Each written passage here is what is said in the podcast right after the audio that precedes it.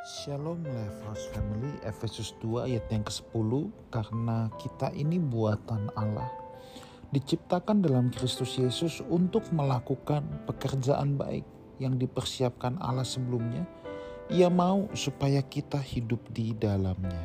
Saudara kata buatan Allah ini dalam terjemahan bahasa Inggris ada yang menerjemahkan sebagai God Masterpiece atau Mahakarya Tuhan Saudaraku, saya sangat senang sekali dengan terjemahan itu.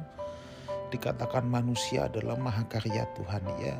Sebab memang manusia adalah satu-satunya ciptaan yang diciptakan segambar dan serupa dengan Tuhan dan satu-satunya ciptaan yang dihembuskan nafas kehidupan ya.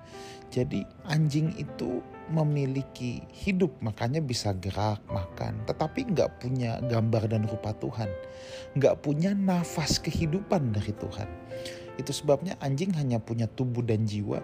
Dalam jiwa itu ada pikiran perasaan kehendak. Makanya anjing bisa marah bisa senang ya.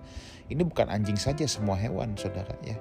Tetapi dalam diri hewan tidak ada unsur pembentuk roh Nah, sebab unsur pembentuk roh itu adalah nafas kehidupan. Itulah sebabnya hanya manusia yang merupakan mahakarya Tuhan. Sebab manusialah yang memiliki roh ya, yang diberikan nafas kehidupan sebagai unsur pembentuk roh dan manusialah yang diciptakan segambar dan serupa. Nah, sekarang kalau manusia adalah mahakarya Tuhan, lalu untuk apa manusia diciptakan, Saudara?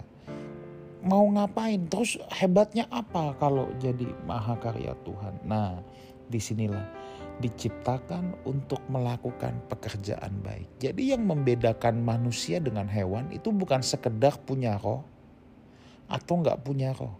Tetapi sebagai mahakarya Tuhan manusia diciptakan dengan tujuan yang mulia yaitu melakukan pekerjaan baik.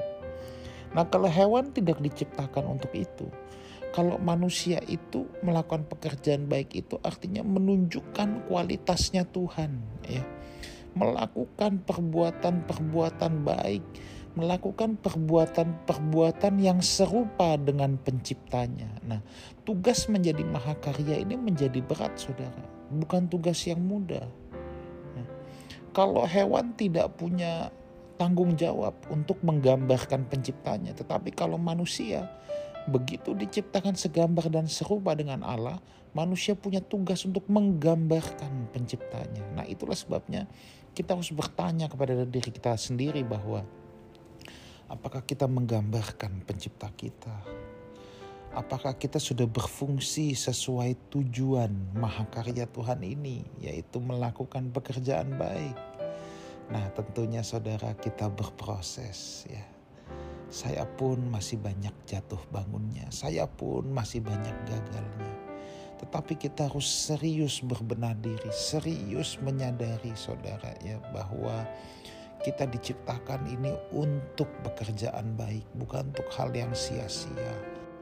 Ini masalah DNA kita saudara ya. Apa blueprint yang Tuhan uh, berikan kepada manusia, cetak birunya itu macam apa?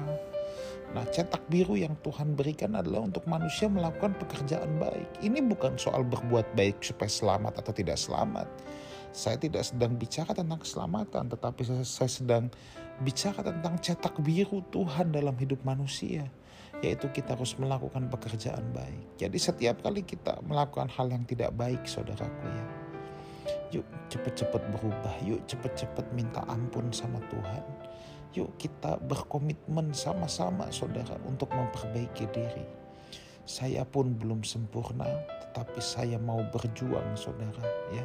Dan saya mau mengajak saudara semua berjuang bersama-sama untuk menjadi cetak biru Tuhan yang sesuai dengan gambaran awalnya. Selamat berjuang, kita berjuang bersama. Tuhan Yesus menyertai kita semua. Amin.